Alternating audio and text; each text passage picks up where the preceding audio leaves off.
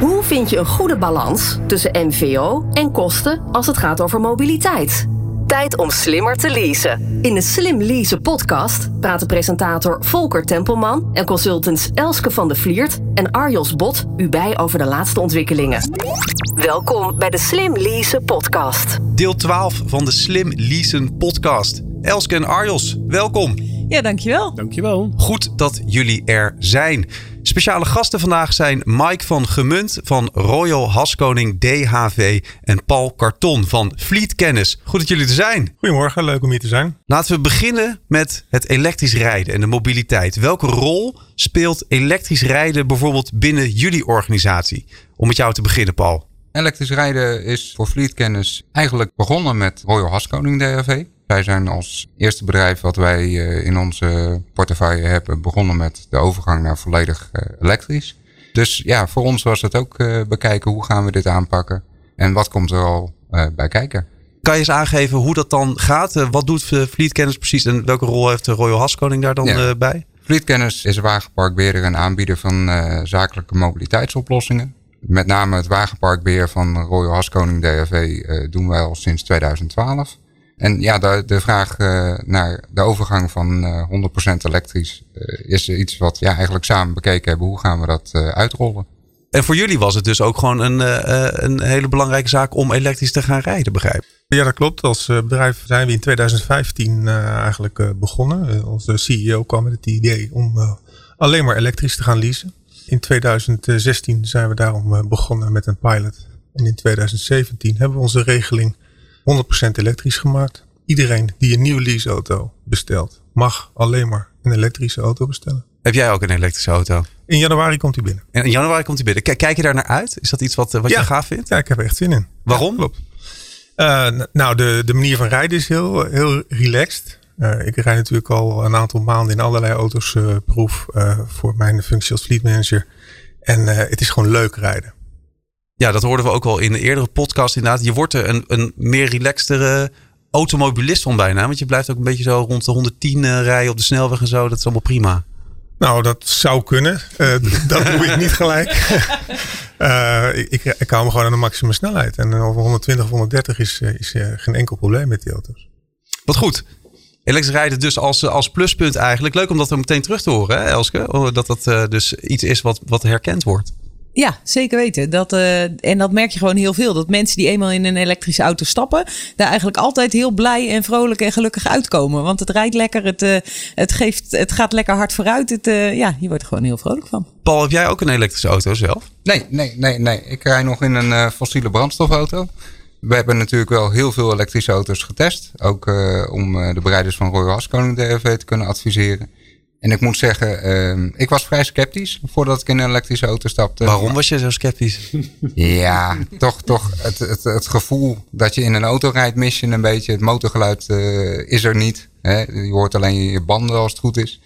Maar ik heb, denk ik, uh, na twee kilometer was ik om. Het was, uh, was een prima ervaring. En, Hoe merkte je dat dan? Waar, waarom ging, ging je om? je, hebt, je hebt toch heel veel vermogen. Hè? Dat, dat, dat merk je direct. Het is, het is veel rustiger rijden. En ja, je hebt, je hebt eh, veel meer uh, aandacht voor alles om je heen. En ja, dat, dat, het is gewoon echt een andere ervaring. Terwijl je toch gewoon auto kan blijven rijden. Alles, alles is van, van hetzelfde. Brengt het jou ook zover dat je denkt van nou, doe mij er ook maar eentje binnen afzienbare tijd? Uh, nee, op dit moment niet. Nee, nee. Ik ben een uh, vervent liefhebber van Engelse auto's. Petrolhead. Uh, ja, petrolhead en pistonhead. Maar nee, op dit moment niet. Maar dat is puur vanuit ja, eigen hobby. Is ook niet erg natuurlijk. Ofwel, Arjos? nee, nee, nee. Het is zeker niet erg. Ik zou, sterk nog, het is misschien wel goed als er ook een paar mensen niet overstappen naar een elektrische auto. Maar ehm, en weet je, um, Paul geeft zelf al aan, hij heeft erin gereden, heeft het ervaren en is enthousiast. En ik denk dat die ervaring heel belangrijk is om vanuit zijn functie ook om te delen en die kennis te hebben. Ik heb privé ook nog wel een auto die niet elektrisch rijdt. Ja. Oh oh. Ik heb nog een hobbyauto. Dat had je niet verteld. Ga ik ook mee naar het circuit. Ja.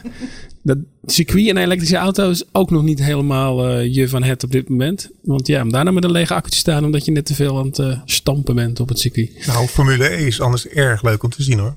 Dat is helemaal waar, Mike. Helemaal dat, en het, ieder jaar wordt het leuker en uh, boeiender. Klopt, helemaal. Mee eens. Ja, en volgend jaar gaan ze ook met de elektrische motorfietsen racen. Dus dan wordt het echt leuk. Want dat wilde ik inderdaad net vragen. Wordt ja. er niet al gewoon lekker elektrisch geraced? Dat, is, dat gaat ja. dus gewoon al gebeuren. Zeker, ja. Zit, zit er aan te komen. Ja, een Nederlands team van de TU Twente is zelfs Europees kampioen met een elektrische motor. Dus we winnen gewoon al uh, op dat gebied. Ja, klopt. Wat goed. Dit is de Slim Lease podcast met Volker Tempelman, Elske van de Vliert en Arjos Bot. Kort over jullie bedrijven, voor de mensen die dat misschien helemaal niet weten. Uh, Mike Royal Haskoning DHV, dat is de mooie volledige naam. Uh, twee bedrijven die bij elkaar zijn gekomen. Bekende namen. Wat voor een bedrijf is dat? Uh, we zijn een advies, ingenieurs en projectmanagementbureau. Ongeveer 6000 medewerkers all over the world. Hoofdkantoor in Nederland. Ik denk dat een, een, kleine 3000 van de 6000 in Nederland werken. En um, daar voor, voor Haskoning DHV Nederland uh, verzorg ik uh, de, de fleet uh, van auto's. Ja, ongeveer 600. Je zorgt dus inderdaad ervoor dat iedereen van en naar het werk gaat en kan. Voor zover het een leaseauto betreft. Want er ja. zijn natuurlijk ook heel veel medewerkers die met het OV komen of met een privéauto komen. Is dat belangrijk binnen jullie organisatie om, om die mogelijkheden ook te bieden aan iedereen?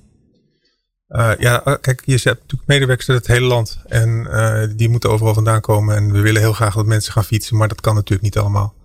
En uh, wij verzorgen uh, in ons beleid zowel de leaseauto's, maar we staan ook natuurlijk uh, toe, sterker nog, we juichen toe dat mensen met OV komen of met de trein komen. En bieden daar ook toe de mogelijkheden, zoals een business card en dergelijke. En toch zeg je de fiets, dat zou het meest ideaal zijn. Is dat dan ook een e-bike?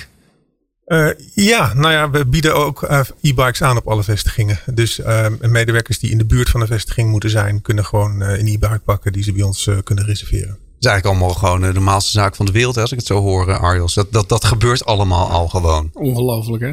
Maar ja.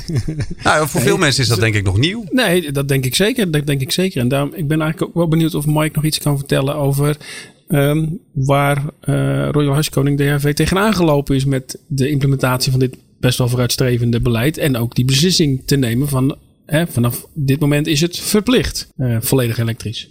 Toen wij eind 2015 de opdracht kregen van de CEO om het 100% eh, elektrisch te maken, uh, hebben we ervoor gekozen om eerst te starten met een pilot met 26 uh, rijders. Die kregen allemaal een BMW i3. Het zijn allemaal vrijwilligers geweest. ze mochten zich aanmelden, hun fossiele auto inleveren en gaan rijden. En na dat jaar hebben we dus de officiële regeling voor iedereen ingevoerd. Ja, en dan begint het circus. Um, dat hebben we gedaan samen met Fleetkennis. Um, het is natuurlijk um, nou, het heeft een aantal uitdagingen. Uh, er zijn niet zo heel veel elektrische auto's. Dus mensen uh, kunnen maar kiezen uit een beperkt aantal auto's. Ten opzichte van de, nou, wat zijn het? Tientallen, honderden, ja. duizenden. Hoeveel, hoeveel auto's zijn er? Een stuk of uh, vijf, zes of wel meer dan? Nou, wij bieden er acht aan. En dat zijn zo ongeveer alle auto's ruwweg onder de 50.000 euro.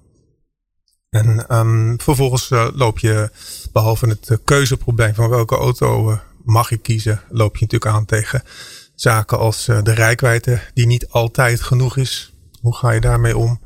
Uh, zaken als um, het laadpunt thuis. Well, ja, wat voor soort laadpunt krijg je? Hoe laat je het installeren? Et cetera, et cetera. Maar ook het laadpunt op de zaak misschien? Ja, ook dat is uh, voortdurend een uitdaging. het bijplaatsen van palen. we zijn op dit moment bezig weer met een verdubbeling van 50 naar 100 aansluitpunten in Nederland. Aantallen. Wow. Ja. Ja, is dat veel in, uh, in, de, in, deze, in deze wereld? Uh, ik ken uh, niemand met 100 laadpunten, eerlijk gezegd. En ga je ze allemaal vullen? Als het, zijn er genoeg mensen die daar gebruik van maken? Ja, sterker nog, er zijn nog steeds te weinig punten. En er is altijd weer een uitdaging ook om mensen van hun laadplek weg te krijgen. ja, als de accu vol is, dan zou je hem eigenlijk weg moeten halen. Ja. En dat is lastig. En zolang je nog plug-in hybrids hebt, dan is het, ach, jammer, dan maar benzine. Maar als je 100% EV-auto's hebt, dan is het dus laden of lopen. Hoe gaan jullie dat oplossen? Um, dat lossen we ja, op met trucjes zoals meer uh, laadplekken per connector. Dus bij ons is het zo dat je uh, ongeveer twee laadplekken per connector hebt. Dan zul je zeggen, ja nou en, dan kan het nog steeds maar één tegelijk laden. Um, maar met de nieuwste software op de laadpalen uh, kan de bereider van de auto die er later aankomt, dus op die tweede plek, die kan de stekker eruit trekken uit de laadpaal als de eerste auto vol is. Precies. Dus als die een paar uur later binnenkomt en die tweede plek gebruikt en ziet op het schermpje van de laadpaal dat die auto vol is, dan kan hij de stekker eruit trekken en zijn eigen stekker erin steken. Ja. En zo bereik je dus een beter gebruik van diezelfde laadpaal. Ja, ik kan me voorstellen dat we wat dat betreft ook eh, echt pas aan het begin staan van wat er allemaal mogelijk is. Er zijn ongetwijfeld allemaal apps eh, die er ook aankomen die dat, die dat soort problemen fixen, toch? Dat je gewoon een, een, berichtje krijgt wanneer je aan de, aan de lader kan. Hoe kijken jullie daar vanuit jullie organisatie tegenaan? Zijn dat ontwikkelingen die je nou letterlijk in de gaten houdt? Is dat belangrijk? Ik denk dat dat heel belangrijk is. Uh, vanuit uh, Fleetkennis zijn we echt voornamelijk bezig de, uh, de medewerkers van Royal Haskoning DFV te woord te staan met alle vragen. Ehm, niet zozeer direct eh, dit soort vraagstukken, maar vooral de vraagstukken van hoe kom ik van A naar B en hoe, recht, hoe richt ik mijn mobiliteit in. Een elektrische auto heeft toch een aantal nadelen. Zoals? Nou, we zijn uh, in september 2017 is dus de lease-regeling ingegaan 100% elektrisch. Toen zijn we van tevoren goed gaan kijken, nou ja, wat kunnen we verwachten aan uh, problemen? En welke mensen uh, gaan er problemen ondervinden? met name ook bij het privégebruik van de auto. Zijn we gaan kijken wat, wat voor aantallen bereiders rijden er privé en hoeveel procent daarvan bezit een trekhaak. En een trekhaak, ja, die is echt voor privégebruik, voor de vakanties. Mm -hmm. Uh, ja, daar uh, schokken we van. Dat was een heel groot percentage. En ja, hoe gaan we dat oplossen? Hè? Uh, die mensen die hebben die trekhaak niks voor niks. Een elektrische auto kan volgens nog geen, geen zware last trekken. dus die mensen zul je toch moeten overtuigen van het feit dat ze elektrisch moeten gaan rijden. En dat ze wellicht privé de zaken iets anders moeten gaan inrichten. Dit is de Slim Lease podcast. Ja, Elske, ik kijk jou even aan. Uh, als je dit zo hoort, hoe, hoe zou jij eigenlijk die mensen uh, over de streep trekken om uh, toch dan voor een elektrische auto te gaan? Nou, ik denk dat je ze aan de ene kant wat voordelen kunt bieden. Hè? Dat, je, dat je het gewoon wat makkelijker voor ze maakt. Dat ze in de vakantie een, een diesel kunnen krijgen met een trekhaak. Of, uh, maar goed, dan heb je nog niet de mensen die misschien een, uh, een paard hebben. En uh, hè, dus elk weekend, want elk weekend even een andere auto mogen lenen is natuurlijk ook niet aan de orde. Ehm, maar ja, je mag ook wel wat van die medewerkers zelf vragen. En ze mogen ook best wel zelf nadenken in hun privé situatie hoe ze dat gaan oplossen. Ze krijgen notabene een auto van de zaak. Ze krijgen niet een auto om privé leuke dingen mee te doen, maar om hun werk goed te kunnen uitvoeren. Of omdat ze een bepaald bepaalde functie hebben waar, dat, waar de zaak het belangrijk vindt dat ze in een bepaalde auto rijden, maar is het nog steeds de zaak. Helemaal mee eens. Het is precies zoals wij er ook uh, over ja, denken. Uh, wij hebben gezegd, onze leaseregeling heeft een business benefit en niet een personal need. Oftewel, die auto heb je voor je zakelijke verplaatsingen. En natuurlijk mag je er privé in rijden. En ja, zelfs zonder eigen bijdrage bij ons bedrijf. Uh, maar hij is er eigenlijk voor de zaak. En um, door de gunstige bijtelling en het feit dat je geen eigen bijdrage hebt, hou je zoveel over dat je uh, die, die uitzonderingen thuis uh, zelf moet uh, kunnen oplossen. We, we, bieden de mensen ook de gunstige tarieven aan die wij bij onze eigen autoverhuurder hebben kunnen, kunnen realiseren.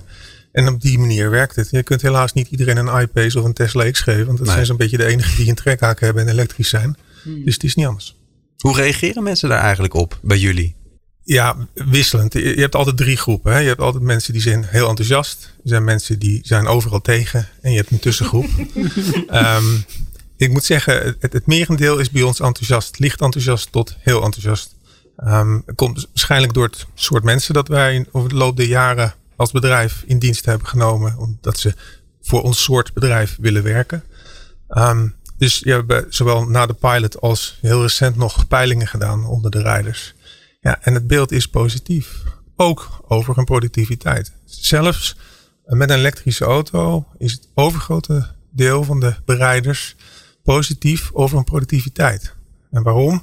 Omdat ze hebben geleerd hun werk anders te plannen. Als je moet laden bij Fastnet, dan moet je dat niet zien als een half uur wachten, maar als een half uur mogelijkheid om je mail bij te werken. Om even wat te doen, ja. Precies. Ja, verbaast jou dat, uh, Paul? Uh, of is dit juist ook jullie sales pitch bij wijze van? Nou, het verbaast mij in die zin uh, niet enorm. Hè. Uh, natuurlijk krijgen wij ook de groep mensen die echt tegen is. Die krijgen wij direct aan de telefoon met heel veel vragen. En ja, dat is eigenlijk echt een uitdaging om die mensen toch te kunnen overtuigen dat elektrisch rijden wel degelijk mogelijkheden biedt. En, en ook in hun voordeel kan werken. Niet wat, alleen fiscaal. Om je in de reden te vallen, wat ja. is nou het grootste bezwaar wat die mensen op tafel gooien? Waarom kan het absoluut niet? Rijkwijde. Rijkwijde, rijkwijde. Ja, dat is echt het, het, het grote probleem waar mensen over vallen. Mensen denken een auto met 200 kilometer rijkwijde, dan sta ik stil halverwege mijn reis en kan ik niks meer. En uh, ze zijn, uh, hè, omdat het onbekend is, ook vrij kortzichtig. Van uh, ja, tussen afstand A en afstand B is geen laadpaal. Dus ik kan niet. En dat zijn dan ook meteen de argumenten die jullie op tafel kunnen gooien naar hen toe van, nou die palen staan er wel bijvoorbeeld? Ja, tuurlijk. Hè? Uh, we laten ze zien dat die palen er zijn, maar we laten ze ook zien dat je ook niet heel veel tijd hoeft kwijt te zijn met tussentijds bij te laden. Uh, je gaat nu zien dat er auto's met een grotere range komen. Dat vindt iedereen fantastisch. Iedereen wil die auto's hebben. Uh, maar je gaat ook zien dat die auto's een nadeel hebben. Hè? En dat heeft te maken met de laadtijd van die auto's. En het feit dat je die auto's niet zomaar thuis hè, overnacht kan opladen. Want, enlighten me please, hoe lang duurt dat dan om zo'n auto uh, helemaal op te laden? Uh, nou, je hebt nu auto's met een rijkwijde van, uh, van ruim 400 kilometer.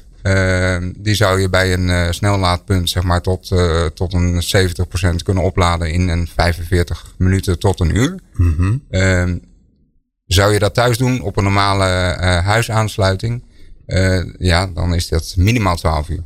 Maar waarschijnlijk nog langer. Uh, omdat uh, de meeste uh, huiseigenaren een, een, ja, gewoon een basisaansluiting thuis hebben. Mm -hmm. waarop je niet zo'n krachtige laadvoorziening kunt plaatsen dat zo'n auto ook echt in acht uur volgeladen wordt. Wanneer kan je dat eigenlijk wel doen? moet je dan iets bijzonders hebben? Ja, je zou, je zou eigenlijk als bereider hè, je aansluiting moeten laten verzwaren vanuit de netbeheerder.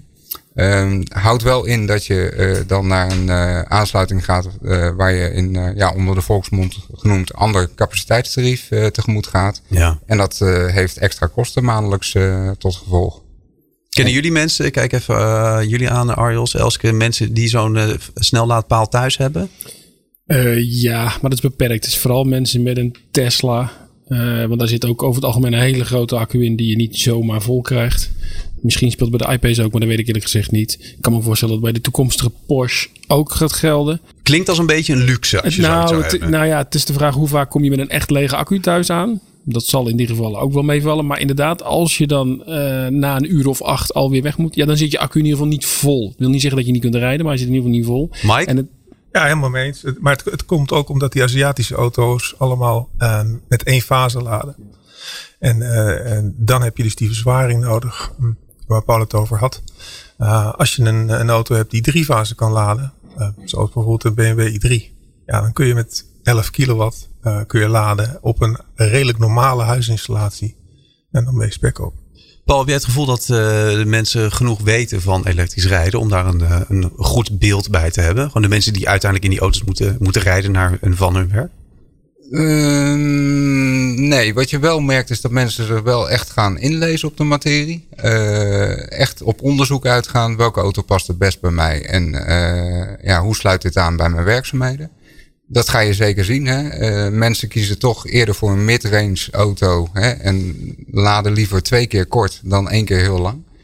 Uh, maar waar je wel tegenaan loopt, uh, is uh, hoe gaan we thuis laden? Hè, hoe krijg ik een laadvoorziening thuis? dat, dat zijn echt complexere vraagstukken. En ja, je merkt dat mensen daar echt weinig tot geen ervaring of verstand van hebben. en ja, elke aansluiting thuis is uniek. Dus ja, het is ook niet zomaar te zeggen van, nou ja, dan krijg je zo'n installatie en het wordt geregeld. Soms zijn er echt aanpassingen nodig die, die dermate ingrijpend zijn dat het wellicht niet eens kan thuis.